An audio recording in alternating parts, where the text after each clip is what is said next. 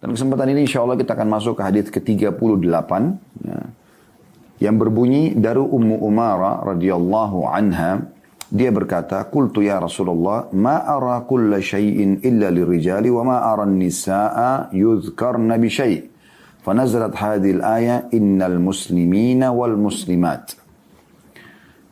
Aku bertanya, wahai Rasulullah, tidak ada seorang pun yang aku lihat kecuali untuk tidak ada sesuatu pun. Saya ulangi, wahai Rasulullah, tidak ada sesuatu pun yang aku lihat kecuali untuk kaum laki-laki dan aku tidak melihat wanita disebutkan dengan sesuatu apa pun.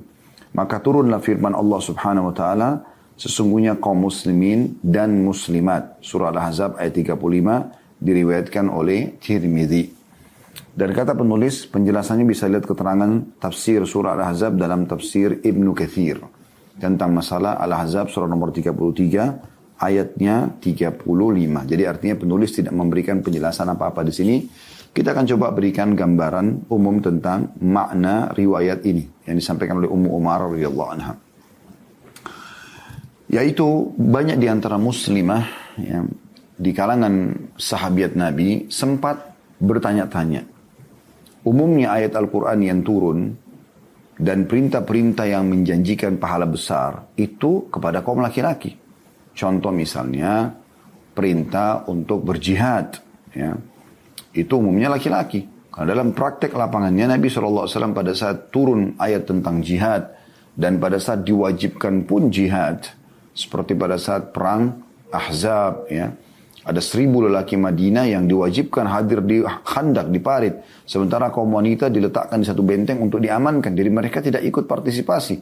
Padahal mereka juga punya kekuatan fisik sebenarnya yang bisa digunakan tenaganya gitu kan. Kemudian juga uh, pada saat perang Uhud, ya, ada yang ikut tapi sebagian kecil. Umumnya riwayat menyebutkan Nabi SAW membawa tidak lebih dari 20 orang yang ingin memasak buat para mujahidin, yang ingin memberikan minum dan seterusnya. Dan sebagian ummahatil mukminin istri Nabi SAW juga ada yang dibawa oleh Nabi SAW dalam peperangan tersebut atau beberapa peperangan Nabi SAW. Namun teman-teman sekalian umumnya tidak ikut, kan gitu. Begitu juga dengan uh, perintah untuk sholat berjamaah di masjid. Kita temukan riwayat-riwayat umumnya kepada kaum laki-laki. Sementara kaum wanita anjurannya lebih afdal dalam rumah, ya.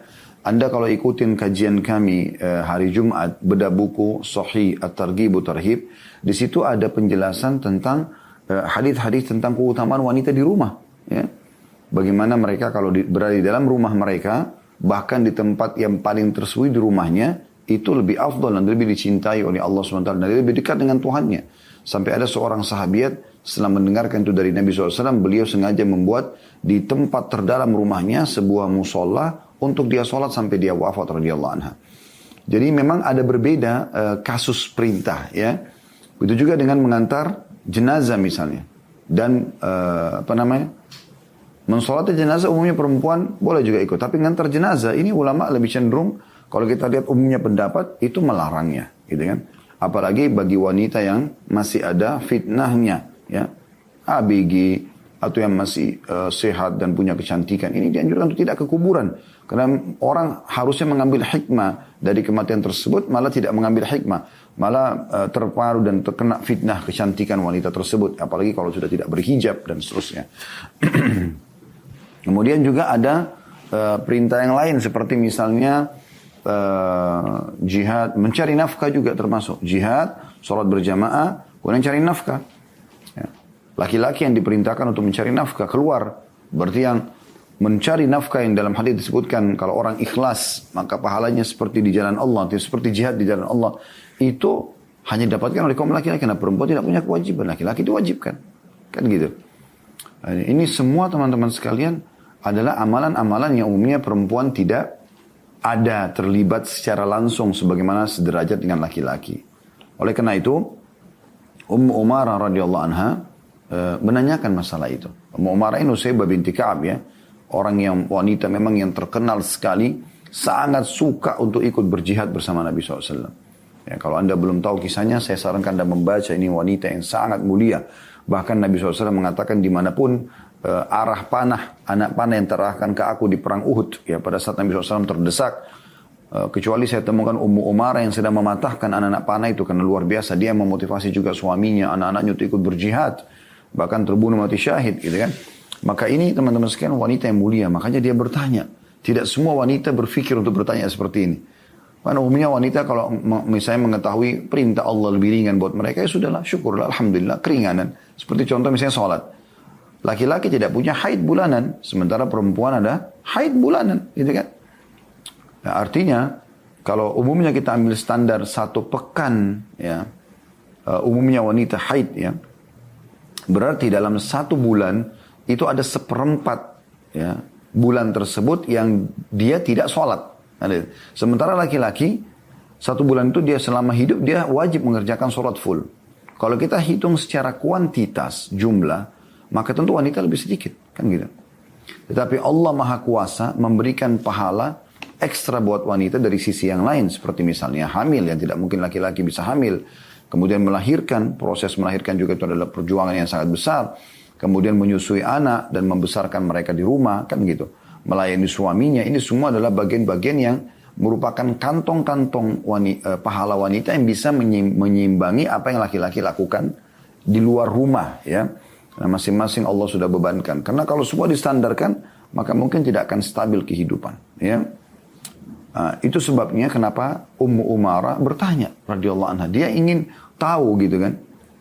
Maka pada saat dia tanya, dia mengatakan, Ya Rasulullah, kayaknya kebanyakan perintah kepada kaum laki-laki. Kami tidak temukan wanita disebutkan. Maka Nabi SAW pun menerima firman Allah yang surah Al-Ahzab ayat 35, Innal muslimina wal muslimat atau disebutkannya di situ muslimah. Jadi ada muslimah juga. Jadi untuk menjawab kalau kalian tidak usah khawatir wahai para wanita karena sesungguhnya uh, kalian juga disebutkan. Oke. Okay. Karena di sini tidak disebutkan ayat lengkapnya, saya mengajak teman-teman untuk membuka surah Al-Ahzab ya. Surah nomor 33 ayat 35. Bunyinya a'udzubillahi minasyaitonir rajim. إن المسلمين والمسلمات والمؤمنين والمؤمنات والقانتين والقانتات والصادقين والصادقات والصادقين والصادقات والصابرين والصابرات والخاشئين والخاشعات والخاشعين والخاشعات والمتصدقين والمتصدقات والصائمين والصائمات والصائمين والصائمات والحافظين فروجا والحافظات والذاكرين الله كثيرا والذاكرات أعد الله لهم مغفرة وأجرا عظيما artinya sesungguhnya laki-laki dan perempuan yang muslim Arti di sini disebutkan perempuannya laki-laki dan perempuan yang mukmin, laki-laki dan perempuan yang selalu dalam ketaatan, laki-laki dan perempuan yang jujur, laki-laki dan perempuan yang sabar, laki-laki dan perempuan yang khusyuk, konsentrasi kalau ibadah, laki-laki dan perempuan yang suka bersedekah, laki-laki dan perempuan yang suka berpuasa, laki-laki dan perempuan yang memelihara kehormatan mereka, laki-laki dan perempuan yang banyak berzikir kepada Allah, Allah telah menyediakan ampunan dan pahala yang besar untuk mereka. Jadi Allah subhanahu wa ta'ala menyebutkan dan mempartnerkan antara muslimah, wanita dengan laki-laki dalam ayat ini. Jadi sangat jelas bagaimana sebenarnya Allah subhanahu wa ta'ala memuliakan kaum wanita di sini. Hanya memang Allah sebagai penciptanya lebih tahu tentang beban mana yang bisa dibebankan pada wanita dan mana yang tidak dibebankan. Itu kemahamurahan Allah subhanahu wa ta'ala. Karena mereka harus hamil, ya. Mereka nanti mengandung anak ke mana pun membawa perutnya, ya. Kemudian akhirnya mereka juga melalui proses melahirkan yang mungkin diikuti dengan sebagian orang stres, tegang, ada sedikit rasa sakit. Kemudian menyusui, ya kadang-kadang tengah malam lagi tidur. Ya, mungkin yang sudah berumah tangga tahu masa itu kami pun melihat keluarga kami pada saat harus menyusui jam 2 malam, jam 3 malam. Uh, mungkin lagi ngantuk-ngantuknya. Kemudian juga mendidik lebih banyak waktu bersama anak-anak di rumah dengan uh, aktivitas dan aktifnya si anak tersebut dalam aktivitas mereka. Maka ini semua butuh kesabaran ekstra. Ini Allah SWT lebih tahu. Makanya Allah berikan, karena mereka harus hamil, maka ada masa subur. Ditandai dengan uh, haid misalnya ya. Terlebih dahulu. Baik itu sebelum haid atau sesudah haid ada masa subur sehingga mereka bisa dibuahi atau hamil. Maka Allah pun meringankan mereka tidak sholat pada saat itu. Ya. Dan tidak perlu diganti di waktu yang lain. Sebagaimana Anda sudah tahu, Kalau anda sudah belajar tentang masalah hukum haid dan juga hukum nifas ya, darah yang keluar setelah melahirkan. Kita coba lihat bagaimana Ibnu Kathir, karena penulis mengisyaratkan agar kita kembali kepada tafsir Ibnu Kathir, mengangkat sebuah riwayat Imam Ahmad. Ya. Beliau mengatakan, saya langsung lewati saja sanadnya karena cukup panjang. Haddatsana Abdurrahman ibn Syaibah, sami'tu Ummu Salamah zaujin Nabi sallallahu alaihi wasallam taqul. Saya telah mendengar Abdurrahman ibn Syaibah uh, mendengarkan langsung dari Ummu Salamah Ummul Mukminin radhiyallahu anha berkata, "Qultu lin Nabi sallallahu alaihi wasallam, "Ma lana la nadhkura fil Qur'ani kama yudhkaru rijal?" Kenapa kami enggak disebutin dalam Al-Qur'an sebagaimana disebutkannya kaum laki-laki? Maksudnya di awal-awal proses turun ayat Al-Qur'an ya. Karena setelah pertanyaan ini turun tadi ayat yang baru kita bacakan Al-Ahzab ayat 35. Qalat falam يريني منه ذات يوم إلا ونداؤه على المنبر. قالت وأنا وأنا أصرح شعري. فلففت شعري ثم خرجت إلى حجرتي من حجر بيتي فجعلت سمعي عند الجريد. فإذا هو يقول عند المنبر يا أيها الناس إن الله يقول إن المسلمين والمسلمات والمؤمنين والمؤمنات إلى آخر الآية Maka pada saat aku berkata, Ya Rasulullah, mengapa kaum wanita tidak pernah disebut-sebut dalam Al-Quran sebagaimana kaum pria disebut? Ummu Salamah mengatakan bahwa ia mendapatkan jawaban, tidak mendapatkan jawaban apapun dari Nabi SAW pada saat itu kecuali melalui seruan di atas mimbar. Pada suatu hari saat aku sedang menyisir rambutku, lalu aku gelungkan rambutku dan keluar dari kamar pribadiku, kemudian ku tempelkan telingaku ke bilik. Tiba-tiba aku dengar Rasulullah SAW membacakan ayat itu di atas mimbar. Seraya bersabda, wahai manusia, sesungguhnya Allah telah menurunkan firman-Nya, sesungguhnya laki-laki dan perempuan yang muslim, laki-laki dan perempuan yang mukmin sampai akhir ayat. Nah, jadi ini kurang lebih di antara sebab daripada turunnya ayat. Jadi sudah ada dua riwayat, riwayat Ummu Salamah radhiyallahu istri Nabi SAW dan juga riwayat Ummu Umar yang tadi sudah kita bacakan. Beliau mengatakan juga bahwasanya Imam An-Nasai meriwayatkan juga sebuah uh, riwayat masih dari Ummu Salamah radhiyallahu anha yang menceritakan bahwa ia pernah berkata kepada Nabi SAW, Ya Nabi Allah, mengapa saya selalu mendengar hanya laki-laki saja yang disebutkan dalam Al-Quran, sedangkan kaum wanita tidak pernah disebut-sebut. Maka Allah pun menurunkan surah Al-Ahzab ayat 35 ini. Ini riwayat lainnya ya. Dan beliau menyebutkan cukup banyak riwayat-riwayat yang menyebutkan serupa kurang lebih tentang sebab turunnya ayat ini. Sekarang kita masuk kepada pengertiannya yang disebutkan oleh Ibnu Katsir rahimahullah. Beliau mengatakan potongan pertama innal muslimina wal muslimati wal mu'minina wal mu'minat. Sesungguhnya laki-laki dan perempuan muslim dan laki-laki dan perempuan mukmin. Ayat ini menunjukkan pengertian bahwa iman itu lain dengan Islam. Sebab iman pengertiannya lebih khusus daripada Islam. Karena ada firman Allah SWT yang berbunyi, dalam surah Al-Hujurat ayat 14. A'udzu billahi minasyaitonir rajim. Qalatil a'rabu amanna kullam tu'minu walakin qulu aslamna walamma yadkhulul imanu fi qulubikum. Orang-orang Arab Badui yang baru masuk Islam berkata, kami telah beriman. Katakanlah kepada mereka, hai Muhammad, kata Allah, kalian belum beriman. Tapi katakanlah, kami telah Islam. Karena iman itu belum masuk ke dalam hati kalian. Ya. Jadi ini makna tafsir pertama yang harus difahami gitu kan. Karena dikatakan kan sesungguhnya laki-laki dan perempuan muslim. Kemudian laki-laki dan perempuan mukmin. Nah, seakan-akan ini terpisah dan memang ini beda maknanya. Ya. Iman lebih khusus daripada Islam. Terbukti dalam surah Al-Hujurat ayat 14 tadi ada orang Arab Badui baru datang masuk Islam di tangan Nabi Shallallahu Alaihi Wasallam. Begitu masuk Islam langsung mereka mengatakan kami telah beriman. Allah tegur langsung turun firman Allah Al-Hujurat ayat 14, katakan hai Muhammad kepada mereka, mereka belum beriman, tapi mereka sudah masuk Islam. Jadi awal-awal orang masuk Islam begitu, ya. Orang masih awal mau pelajari Islam atau orang masih menjalankan rukun Islam saja, ya.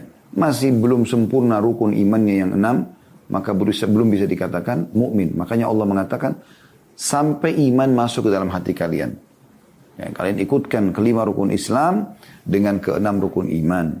Kalian yakin Allah mengawasi, Allah memerintahkan, kalian yakin malaikat juga bertugas untuk mencatat.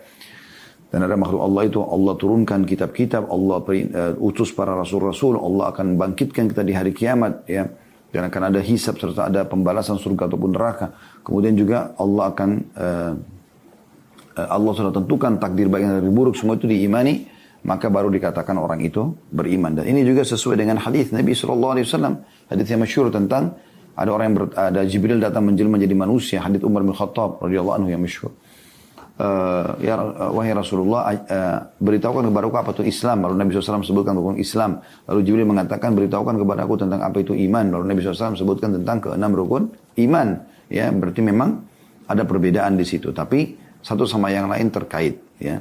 Setiap mukmin pasti muslim tapi belum tentu setiap muslim itu langsung dikatakan beriman. Karena itu level setelahnya masalah iman itu Kemudian juga dalam Sahih Bukhari, kata Ibnu Katsir rahimahullah dalam tafsirnya, eh, beliau mengangkat sabda Nabi SAW, La yazni zani hina yazni wa huwa mu'min. Tidaklah seorang berbuat zina saat melakukannya dia dalam keadaan beriman. Ya, karena kata beliau seorang berzina pada saat mengerjakan zina, iman dicabut dari dalam hatinya. Tapi hari itu tidak memastikannya, ya, tidak memastikan sebagai seseorang itu kafir. Cuma berkurang imannya dan bahkan diangkat dari hatinya menurut kesepakatan ulama. Dan ini menunjukkan bahwa pengertian iman lebih khusus daripada Islam. Seperti yang telah kami tetapkan pada permulaan syarah. Ya. Kitab kata beliau. Ya. Kemudian potongan Allah SWT wal qanitina wal qanitat. Laki-laki dan perempuan yang selalu dalam ketaatan. Al ya, qanut kata beliau. Artinya ketaatan yang mapan. Seperti pengertian terdapat dalam ayat yang lain. Yaitu surah Az-Zumar ayat 9 ini ciri muslimah yang lain dan muslim yang lain ya. Yaitu qanitina wal qanitat. Ada sebagian ulama mengatakan qanit dan qanitat ini selalu rutin ruku dan sujud. Tapi salah satu maknanya. Cuma Ibnu Katsir menekankan di sini mengatakan ini artinya ketaatan yang mapan. Maksudnya udah tidak ditanya lagi, tidak disuruh lagi, sudah rutin dia kerjakan. Itu maksud seperti firman Allah SWT dalam surah Az-Zumar ayat 9. Al-laili wa qa'iman akhirah wa yarju. Apakah kamu hai orang-orang musyrik yang lebih beruntung ataukah orang yang beribadah di waktu malam dengan sujud dan berdiri sedangkan ia takut kepada adab akhirat dan mengharapkan rahmat Tuhannya. Ya. Maksudnya di sini bisa dikatakan uh, orang yang sudah rutin mengerjakan sholat malam itu jelas sekali perbedaan dasarnya dengan orang-orang yang kafir ya karena mereka sudah sudah mapan dari sisi ke, ketaatannya kepada Allah. Kemudian juga dalam surah Ar-Rum beliau angkat ayat 26 berbunyi A'udzu billahi minasyaitonir rajim wa lahu man fis samawati wal ardi kullun lahu qanitun. Dan kepunyaan Allah lah siapa saja yang ada di langit dan bumi dan semuanya tunduk kepadanya, hanya kepadanya. Qanit juga berarti tunduk ya. Kemudian juga dalam surah Al-Baqarah ayat 220 238 Allah SWT berfirman wa qumu lillahi qanitin dan berdirilah untuk Allah dalam sholatmu dengan khusyuk atau penuh ketaatan. Jadi ini makna qanit. Sifat selanjutnya wassadiqina wassadiqat. Laki-laki dan perempuan yang jujur. Ya. Kata Ibnu Katsir rahimahullah ini menyangkut pembicaraan atau perkataan. Karena sungguhnya benar atau jujur merupakan pekerti yang baik. Ya. Sebab itulah sebagian para ulama di masa lalu, baik di masa Islam maupun di masa jahiliyah, belum pernah sekalipun melakukan perkataan dusta. Benar dalam berkata merupakan pertanda iman pelakunya. Sebagaimana dusta merupakan pertanda kemunafikan pelakunya. Jadi orang mukmin tahunya jujur. Barang siapa yang berkata benar, niscaya selamat. Berpegang teguhlah kalian kepada kebenaran. Karena sesungguhnya kebenaran itu menuntun pelakunya pada perbuatan kebajikan. Dan perbuatan kebajikan menuntun pelakunya kepada surga. Sebagaimana dijelaskan dalam hadis yang sahih. Gitu kan.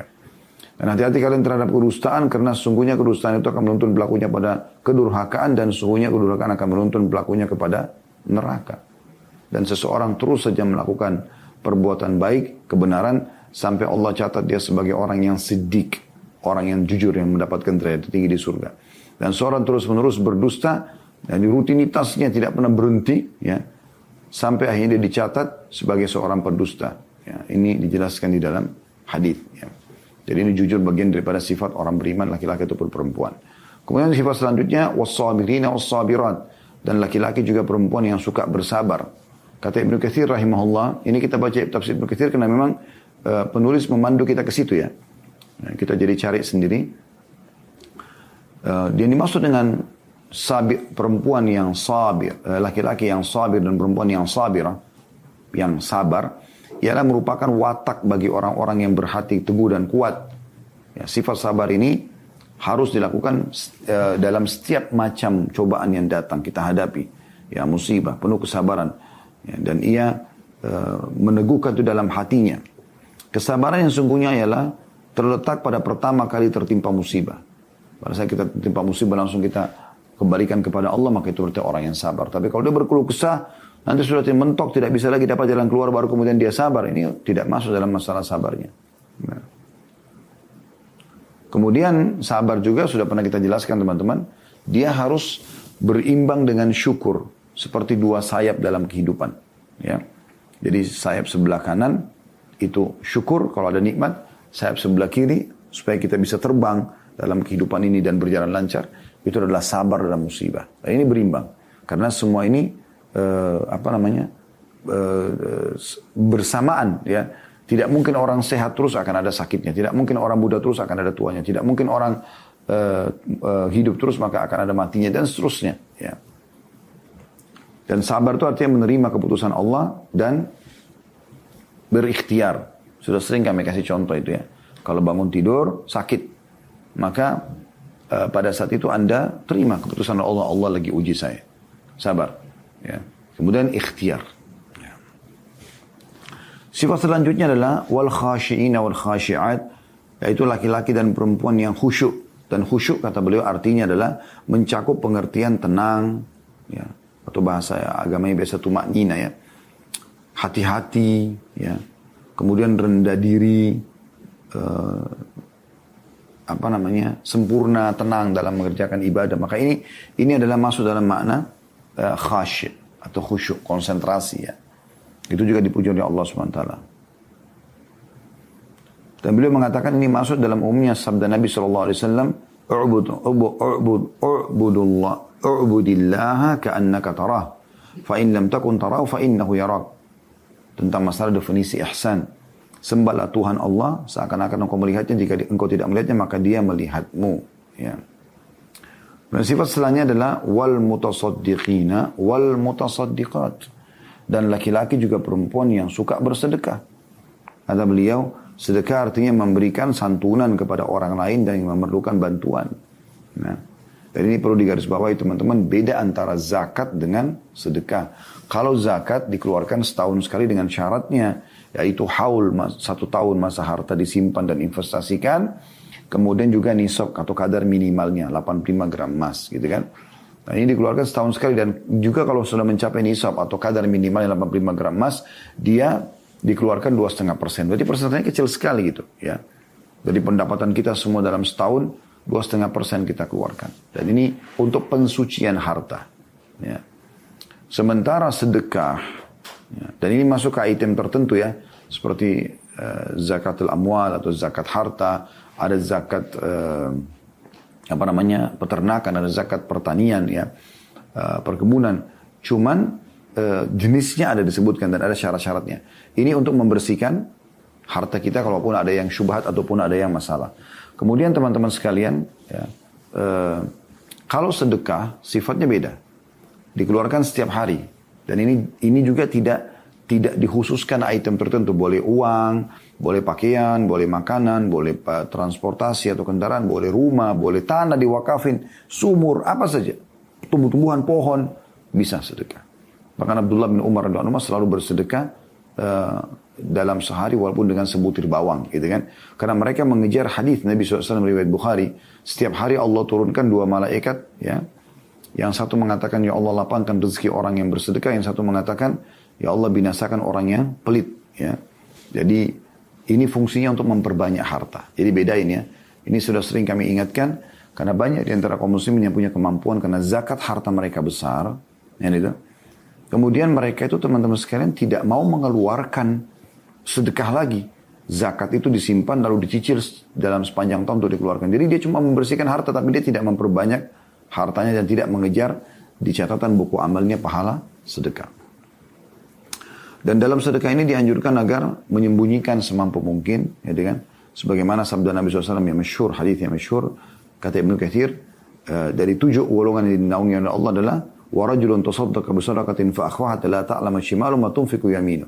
Dan seseorang yang bersedekah dengan tangan kanannya sampai-sampai tangan kirinya tidak tahu apa yang dikeluarkan oleh tangan kanannya.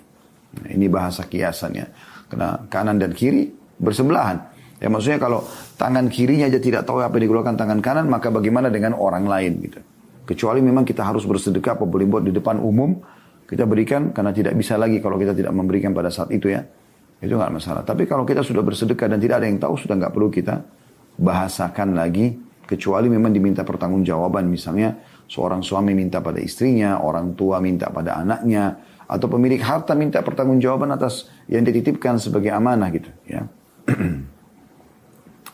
Beliau juga mengangkat hadis Nabi SAW, As-sadaqatu tudfi'ul khati'ah, kama yudfi'ul ma'un nar. Ketahuilah bahwasanya kata Nabi SAW, sedekah itu akan menghabiskan, menghapuskan dosa-dosa sebagaimana atau memadamkan dosa-dosa sebagaimana api memadamkan air memadamkan api. Ya. Kemudian juga beliau mengangkat uh, potongan selanjutnya tentang masalah wal hafidhuna furujahum wal hafidhat ya. Yang menjaga kehormatan mereka. Ini masuk dalam uh, perintah oleh Allah SWT untuk menikah kata beliau. Ya, bagi laki-laki dan perempuan sudah punya kemampuan. Masuk dalam hadis Nabi SAW. Ya ma'asyar syabab. Wahai sekalian anak-anak muda. Man istata' minkumul ba'ah. Siapa yang mampu untuk ba'ah. Ba'ah. Salah satu maknanya adalah jima. Hubungan biologis. Si suami sudah siap untuk menumpahkan spermanya si laki-laki. Kemudian siap mulai hari itu memberikan nafkah, makanan, minuman, tempat tinggal untuk istrinya semampu dia. Dan kalau nanti melahirkan anak dia siap untuk memberikan Eh, juga nafkah kepada anaknya dan seorang wanita siap untuk melayani biologis istri eh, suaminya kemudian juga siap hamil dan akhirnya menyusui anaknya dan mendidik anaknya maka diistilahkan sudah ba'ah. Jadi tidak eh, sebagian ulama tidak menghubungkan ini dengan masalah kemampuan materi. Karena banyak orang menghubungkan pernikahan harus kaya dulu punya pekerjaan baru menikah. Padahal sebenarnya ini ibadah tidak butuh semua itu yang penting dia sudah merasa siap pada hari itu. Apa yang seorang laki-laki mampu berikan pada hari itu istrinya misalnya makanan, ya sudah dia kasih makanan itu. Walaupun cuma sebungkus akan berdua nggak ada masalah. Maka Nabi SAW falyatazawwaj. Harusnya dia menikah. Fa inna ghaddu lil basari wa ahsanul faraj. Karena itu akan lebih menjaga kehormatan mata supaya tidak lihat yang haram dan juga menjaga kesucian kemaluan. Oman lam yastati fa alayhi bisawm fa innahu lahu wija. Dan siapa yang belum mampu maka dia seharusnya berpuasa karena puasa akan menjadi tameng buat dia. Kemudian juga sifat setelahnya wa dzakirin Allah katsiran wa dzakirat dan laki-laki dan perempuan yang suka berzikir kepada Allah dengan zikir yang banyak ya. ya ini beliau mengangkat uh, riwayat uh, bahwasanya Rasulullah SAW bersabda idza idza ayqadha ar-rajulu imra'atahu min al-lail fa ya rak'ataini kutiba tilka al-laila min adh-dhakirin Allah katsiran wadh-dhakirat.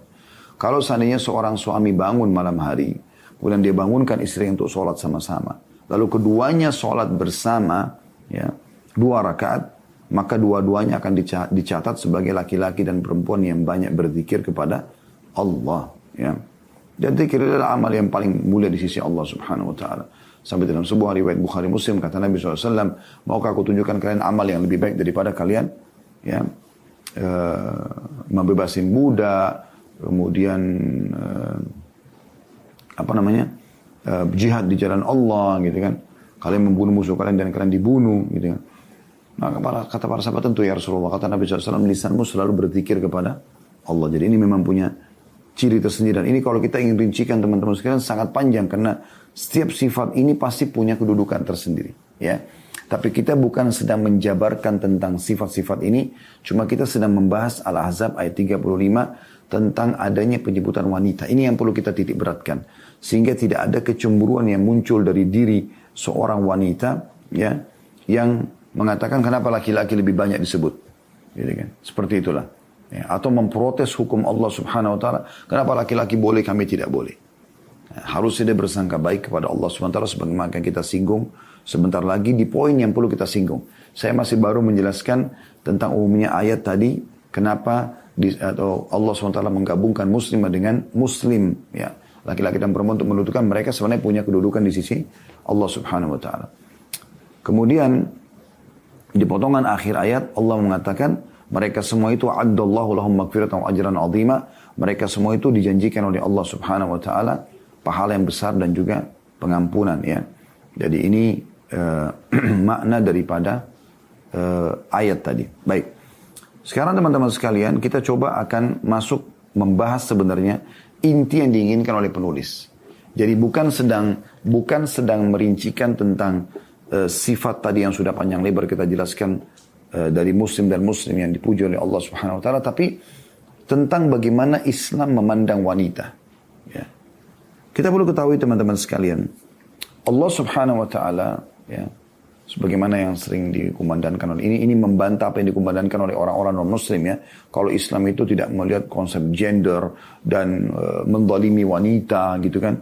Lalu mereka datanglah kepada syubhat-syubhat kenapa cerai harus di tangan laki-laki, kenapa harus ada poligami, kenapa perempuan tidak ada poliandri, kemudian uh, kenapa tadi ya wanita sholat di rumah, kenapa laki-laki sholat di masjid, kenapa laki, perempuan tidak cari nafkah, ya, kerja di luar, Kemudian kenapa laki-laki yang diwajibkan? Walaupun perempuan boleh pada saat tidak terjadi pelanggaran agama gitu kan. Uh, tapi ini mereka jadikan sebagai syubhat. Dan kalau setiap muslim dan muslimah tidak pelajari ini maka akan jadi masalah buat mereka. Oke, kita coba jawab syubhat ini teman-teman sekalian. Kalau Allah subhanahu wa ta'ala yang menciptakan cuma dua jenis. Laki-laki dan perempuan. Tidak ada jenis yang ketiga kan. Maka karena cuma dua jenis ini dan ini yang berkembang biak. Laki-laki berjumlah eh, terus, bertambah terus jumlahnya dan perempuan juga begitu. Nah, di antara dua orang ini atau dua jenis ini Allah SWT mengangkat laki-laki sebagai pemimpin. Memang harus ada jadi pemimpin gitu kan. Dan Allah bekali mereka itu. Ini sering saya singgung kalau teman-teman mengikuti, sering mengikuti rutin kajian kami tidak asing penjelasan ini ya. Saya bilang bahwasanya kami laki-laki, saya dan bapak-bapak yang ikuti acara ini, ya, kami sudah, di, di, sudah sudah diberikan oleh Allah SWT kulit ini, memang kulit untuk menghadapi matahari di luar sana. Karena kami disuruh sholat berjamaah, ngantar jenazah, kan gitu. Cari nafkah, jihad. Memang itu alam laki-laki. Maka Allah kasih kami perangkat untuk itu. Makanya laki-laki memang tidak menggunakan tidak tidak membutuhkan sunblock, hand body. Walaupun mereka kalau mau menggunakan bahan halal masih dibolehkan dalam agama, tidak dilarang. Asal bukan yang khas wanita, ya. Kalau orang menggunakan lipstick itu kan khas wanita misalnya. Ya, kita tidak bicara kalau uh, pelembab mulut yang memang kalau lagi musim dingin atau musim panas pecah-pecah. Tapi lipstick yang berwarna merah, yang khusus untuk wanita, pink, ini kan tidak boleh sama sekali. Karena kita dilarang untuk bertasyabah, untuk menyerupai lawan jenis kita. Tapi di sini teman-teman sekalian, Allah sudah berikan itu. Dan karena tugas kami di luar, Allah berikan perangkat itu. Sementara wanita, Allah memang berikan mereka kelembutan, ya Allah berikan mereka kasih sayang, Allah memang membuat mereka bisa hamil, punya anak, menyusui, karena memang tempat mereka di rumah. Makanya pada saat mereka keluar, mereka butuh sunblock, mereka butuh ekstra, karena ini bukan tugasnya sebenarnya. Ya. Ini umumnya kita bicara umumnya. Ya. Jadi Islam bukan tidak memandang gender, tapi Islam mengatur dengan benar, gitu kan? Di antara dua ini Allah angkat laki-laki jadi pemimpin. Harus ada pemimpinnya. Dan Allah berikan perangkat-perangkat itu. Laki-laki dari sisi lain dominan akal. Perempuan dominan perasaan. Ya. Dominan akal itu teman-teman dibutuhkan oleh seorang pemimpin. Karena mereka kalau ada masalah yang dipikirkan solusinya. Kalau seorang laki-laki nyetir mobil, kemudian bannya pecah. Yang dipikirkan langsung laki-laki begitu dia tahu ban mobil pecah, otaknya sudah jalan langsung ke bengkel Bagaimana segera mencari solusi. Sudah begitu akal. Masalah, solusi. Itu dominan akal namanya. Kalau perempuan dominan perasaan. Apa yang terjadi? Dia pada saat naik mobil, setir mobil, ban mobilnya pecah misalnya. Yang dia lakukan adalah dia turun, dia pakai perasaan dulu. Dia terbawa, kenapa bisa pecah, apa sebabnya. Lama dia berpikir, baru kemudian memikirkan solusinya. Nah ini dominan perasaan namanya. ya. Dan ini Allah subhanahu wa ta'ala berikan itu. Makanya ibu-ibu kalau lagi telepon suaminya, ini di rumah ada mati lampu, di rumah ada begini, di rumah ada begitu. Terus suami terdiam misalnya. Suami itu lagi berpikir sebenarnya. Akalnya lagi jalan, otaknya lagi ber, ber, ber, berfungsi memikirkan solusi. Gitu kan. Apa nih masalahnya? Memang begitu. Mungkin kadang-kadang kalau buru-buru, ya, dia tidak sempat mengucapkan sayang. Mungkin dia biasa ucapkan sayang sebelumnya. Jangan Anda tersinggung. Karena Anda sedang menyampaikan kepada dia sebuah permasalahan yang harus dia temukan solusinya sekarang. Mungkin langsung mengatakan, baiklah, saya segera selesaikan ya, Assalamualaikum. Anda kadang-kadang perempuan ini terbawa perasaan langsung mengatakan, loh itu kan sudah tidak sayang sama saya. Padahal sebenarnya Anda sedang menyampaikan permasalahan yang lebih besar di sini. Ya, Jadi ini penting untuk difahami. Begitu juga laki-laki, dia memahami uh, tentang perasaan wanita. Gitu kan? Walaupun ini harus semua dikontrol dengan syariat ya. Karena akal dan perasaan di bawah syariat. Walaupun perasaan kita tidak suka, akal kita nggak bisa terima, tapi kalau syariat perintahkan kita tundukkan di bawah syariat karena Allah berikan perangkat ini untuk tunduk kepada syariat Allah Subhanahu wa taala. Gitu kan? Makanya orang-orang yang beriman itu apa pun yang disampaikan berhubungan dengan masalah gaib kayak kehidupan alam barza, ya di kuburan, kebangkitan setelah kematian, segala macam. Ini kan tidak nampak dengan mata, tapi kita yakini karena itu adalah syariat Allah Subhanahu wa taala. Maka akal kita dan perasaan kita tundukkan pada itu. Nah, ini poin penting yang harus di garis bawahi. Nah, sekarang juga kalau sudah dengan syariat kita masih harus saling mengerti. Wanita mengerti tentang dominasi akal lelaki. Artinya kalau Anda sampaikan permasalahan maka suami pasti akan langsung berpikir solusinya. Nah di sini Anda jangan mudah tersinggung kalau sempat dia buru-buru untuk menyelesaikan permasalahan atau uh, dia tidak lupa mengucapkan kalimat sayang hanya karena tadi ingin memikirkan solusi dan seterusnya.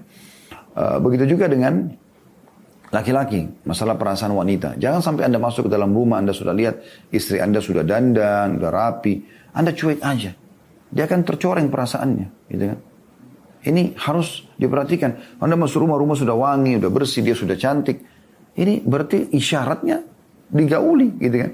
Didekatin, diajak ngobrol, dicumbuin, memang begitu. Ya. Sama juga dengan kasus uh, kalau ada anak yang sedang bertengkar misalnya. Maka coba hadapin dengan cara yang benar. Kalau ada anak, adik kakak bertengkar misalnya. Lalu istri anda cerita pada anda. Mengatakan, nih si Fulan nih, misalnya Ahmad sama, sama, sama Yusuf. Ahmad nih mukul Yusuf nih, gini-gini dan seterusnya. Banyak laki-laki tidak paham kalau istrinya dominan perasaan. Apa yang dilakukan? Dipanggillah si Ahmad ini, digebukin di depan si Yusuf. Gitu. Kamu itu kenapa ganggu adik kamu dipukul? Tujuannya sebenarnya untuk mendidik anaknya dan menyenangkan istrinya. Tapi ini keliru. Perempuan di situ akan terbawa perasaan. Dia tidak akan pernah tega melihat anaknya dipukul. Kan gitu. Walaupun niat anda baik. Ya. Bukan begitu caranya. Tapi anda bilang sama istri, Jazakillahu khair. Udah berkorban buat anak-anak ya. Semoga insya Allah Allah catat sebagai pahala. Kemudian setelah itu nanti anda panggil Ahmad Sami Yusuf ini bukan di depan istri lalu didik mereka dengan cara yang benar. Walaupun tidak harus memukulnya tapi jelaskan ini nggak boleh, ini haram dan seterusnya. Ya. Allah alam. Itu perlu difahami. Dan Islam mengajarkan itu semua. Ya, Islam mengajarkan itu semuanya. Allah menjelaskan agar kita tidak saling cemburu satu sama yang lain. Ya, dan ini konsep syariat Allah subhanahu wa ta'ala. Memang laki-laki punya pekerjaan dan tugas, perempuan juga punya begitu. Dan tidak boleh saling cemburu. Gak boleh saling cemburu. Kenapa laki-laki begini, kenapa perempuan begini? Allah menyebutkan, perhatikan baik-baik surah An-Nisa, surah nomor 4 ayat 32. Ya. أعوذ بالله من الشيطان الرجيم ولا تتمنوا ما فضل الله به بعضكم على بعض للرجال نصيب مما اكتسبوا وللنساء نصيب مما اكتسبن واسألوا الله من فضله إن الله كان إن الله كان بكل شيء عليما artinya dan janganlah kamu iri hati terhadap apa yang dikaruniai Allah kepada sebagian kamu Gak boleh laki-laki cemburu pada perempuan. Kenapa ini bisa hamil, bisa melahirkan? Saya juga mau. Akhirnya operasi kelamin, akhirnya mau jadi perempuan. Ini ngawur ini. Ngawur. Sampai anda mati, sampai hari kiamat dari pertama anda lahir, tetap anda laki-laki. Gitu kan? Itu juga perempuan. Ada yang kadang-kadang cemburu dengan laki-laki. Ini jadi kayak laki-laki. Potong rambutnya kayak laki-laki, bergerak kayak laki-laki, suaranya dibuat kayak laki-laki. Untuk apa ini? Ini keluar dari fitrahnya gitu kan. Tapi di sini teman-teman Allah melarang, tidak boleh sering cemburu. Sudah, kalian sudah punya tugas masing-masing, Allah akan berikan balasan sesuai dengan itu. Bagi laki-laki ada bagian dari apa yang mereka usahakan. Yang apa yang sudah Allah bebankan mereka, mereka akan dapat pahala dengan itu. Dan bagi wanita pun ada bagian dari apa yang mereka usahakan. Apa yang sudah Allah bebankan bagi mereka, Allah juga berikan balasan yang setimpal. Dan mohonlah kepada Allah sebagian dari karunia-Nya. Ada sesuatu yang kalian inginkan, minta kepada Allah. Ya, sungguhnya Allah maha mengetahui segala sesuatunya. Allah tidak melarang laki-laki dan perempuan saling bantu membantu dalam kebaikan tentunya. Ya. Sebagaimana Allah sebutkan dalam surah At-Taubah surah nomor 9 ayat 71. Bahkan ini ciri orang-orang beriman. Sekali lagi surah At-Taubah surah nomor 9 ayat 71 yang berbunyi a'udzu billahi minasyaitonir rajim wal mu'minuna wal mu'minatu ba'dhum awliya'u ba'd. Ya, laki-laki mukmin dan perempuan mukminah mereka adalah penolong satu sama yang lain. Ya.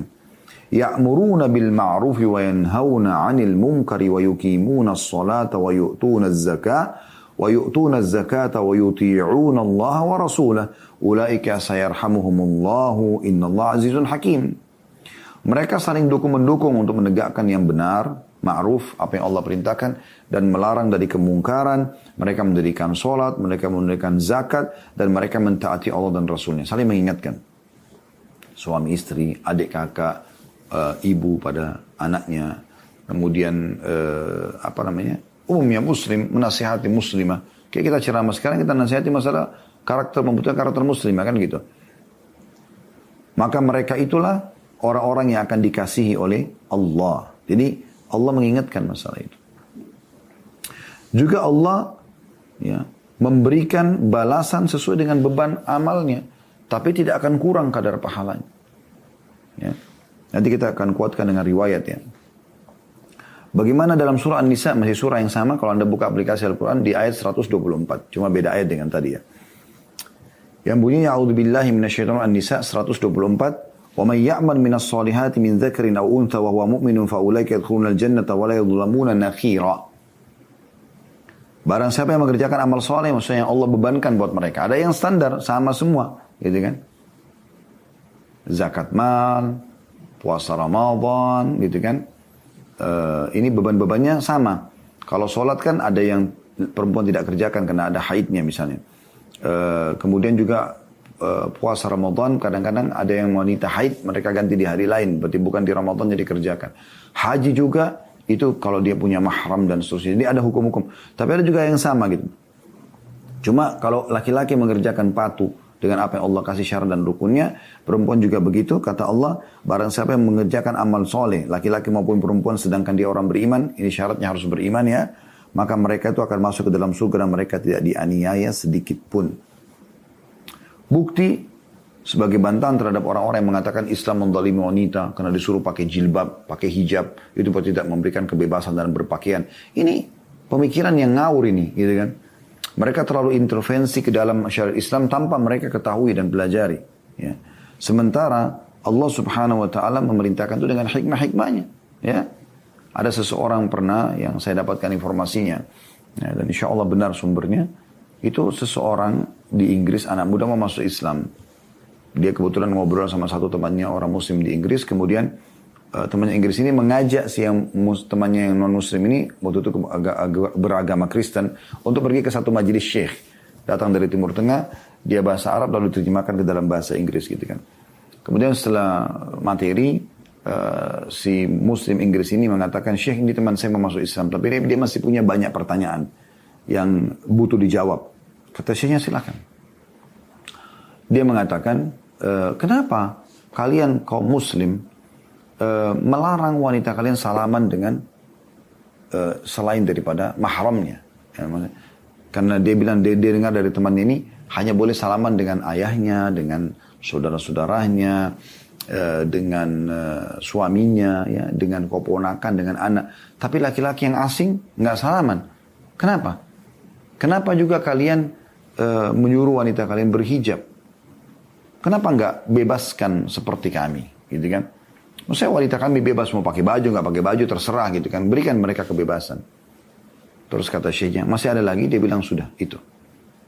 Kemudian syekhnya mengatakan, dia tanya, siapa pemimpin di wilayah negara ini? Kata dia Ratu Elizabeth. Ya. Lalu kata syekhnya, apakah ya kamu sebagai warga negara Inggris dan teman-teman kamu yang warga negara Inggris bisa salaman sama Elizabeth? Dia bilang nggak bisa.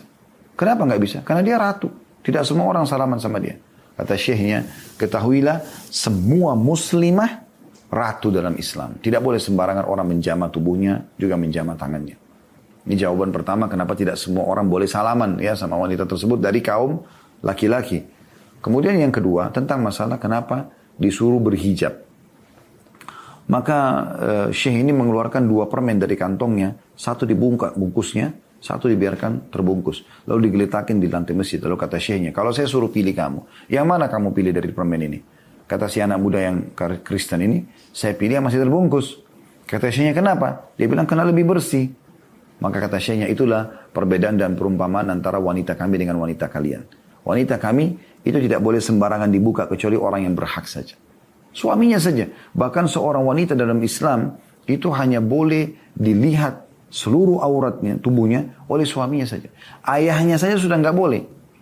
ayah pemilik sperma dan anak itu perempuan itu dinisbatkan kepada ayahnya, tidak boleh lagi dilihat anaknya mandi, tidak berpakaian, ya apalagi kalau sudah mulai sindu tamiz ya umur sudah bisa membedakan jenis kelamin biasanya ulama mengatakan di 7 sampai 10 tahun walaupun belum balik apalagi kalau sudah balik sudah mutlak tidak boleh si ayah melihat lagi aurat ya anak perempuannya. Kan begitu. Jadi ini ada ada hukum syar'inya tidak sembarangan gitu. Maka orang itu pun hanya faham dan dia masuk Islam. Jadi Islam datang dengan hikmah. Kenapa cerai di tangan laki-laki? Baik. Kalau cerai di tangan perempuan juga gitu kan. Lalu siapa yang akan dipegang ini? Dan karena laki-laki dominan akal, maka mereka itu selalu berpikir, kalau anda sebagai istri mengatakan, mungkin anda sudah lewatin dalam rumah tangga, anda mengatakan pada suami, ceraikan saya, ceraikan saya, pulangkan saya, kita tidak cocok. Kira-kira suami anda langsung mengatakan saya ceraikan? Saya jamin 100% tidak akan mengucapkan itu teman-teman. Karena mereka dominan akal. Mereka berpikir dulu. Bagaimana nama baiknya. Bagaimana nanti kalau perempuan ini tidak sama dia lagi. ya Bagaimana kehidupan dia, bagaimana kehidupan anaknya nanti, siapa yang mau nafkahi, bagaimana kalau dia nikah sama laki-laki lain bertanggung jawab atau tidak. Banyak pikiran laki-laki itu. Sehingga dia tidak mudah mengucapin cerai. Makanya Allah jadikan di, di, di lisannya si laki-laki cerai itu. Ya. Tapi kalau di tangan perempuan yang dominan perasaan ini masalah.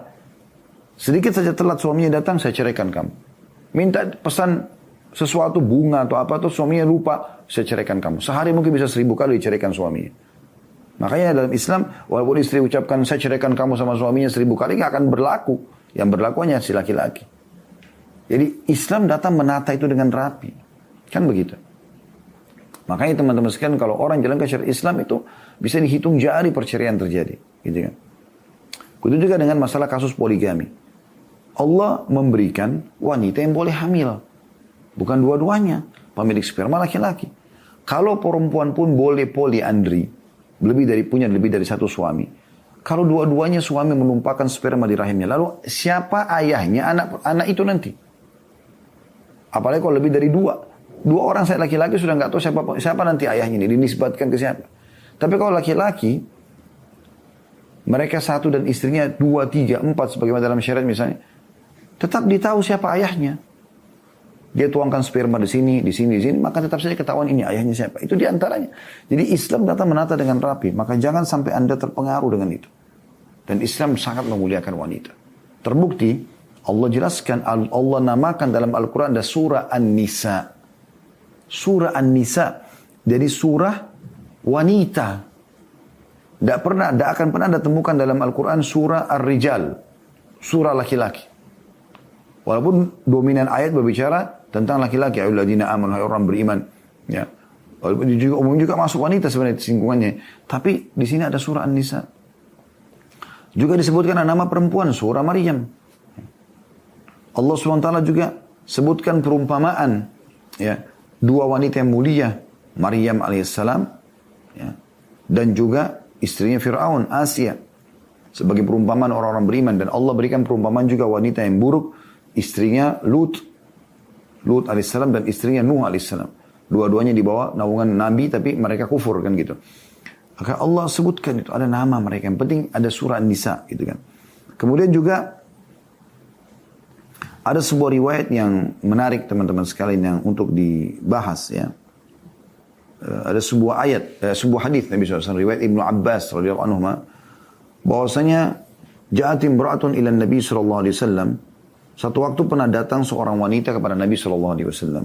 Faqalat ya Rasulullah, dia mengatakan wahai utusan Allah, ana wafidatun nisa ilaiki, ilaik.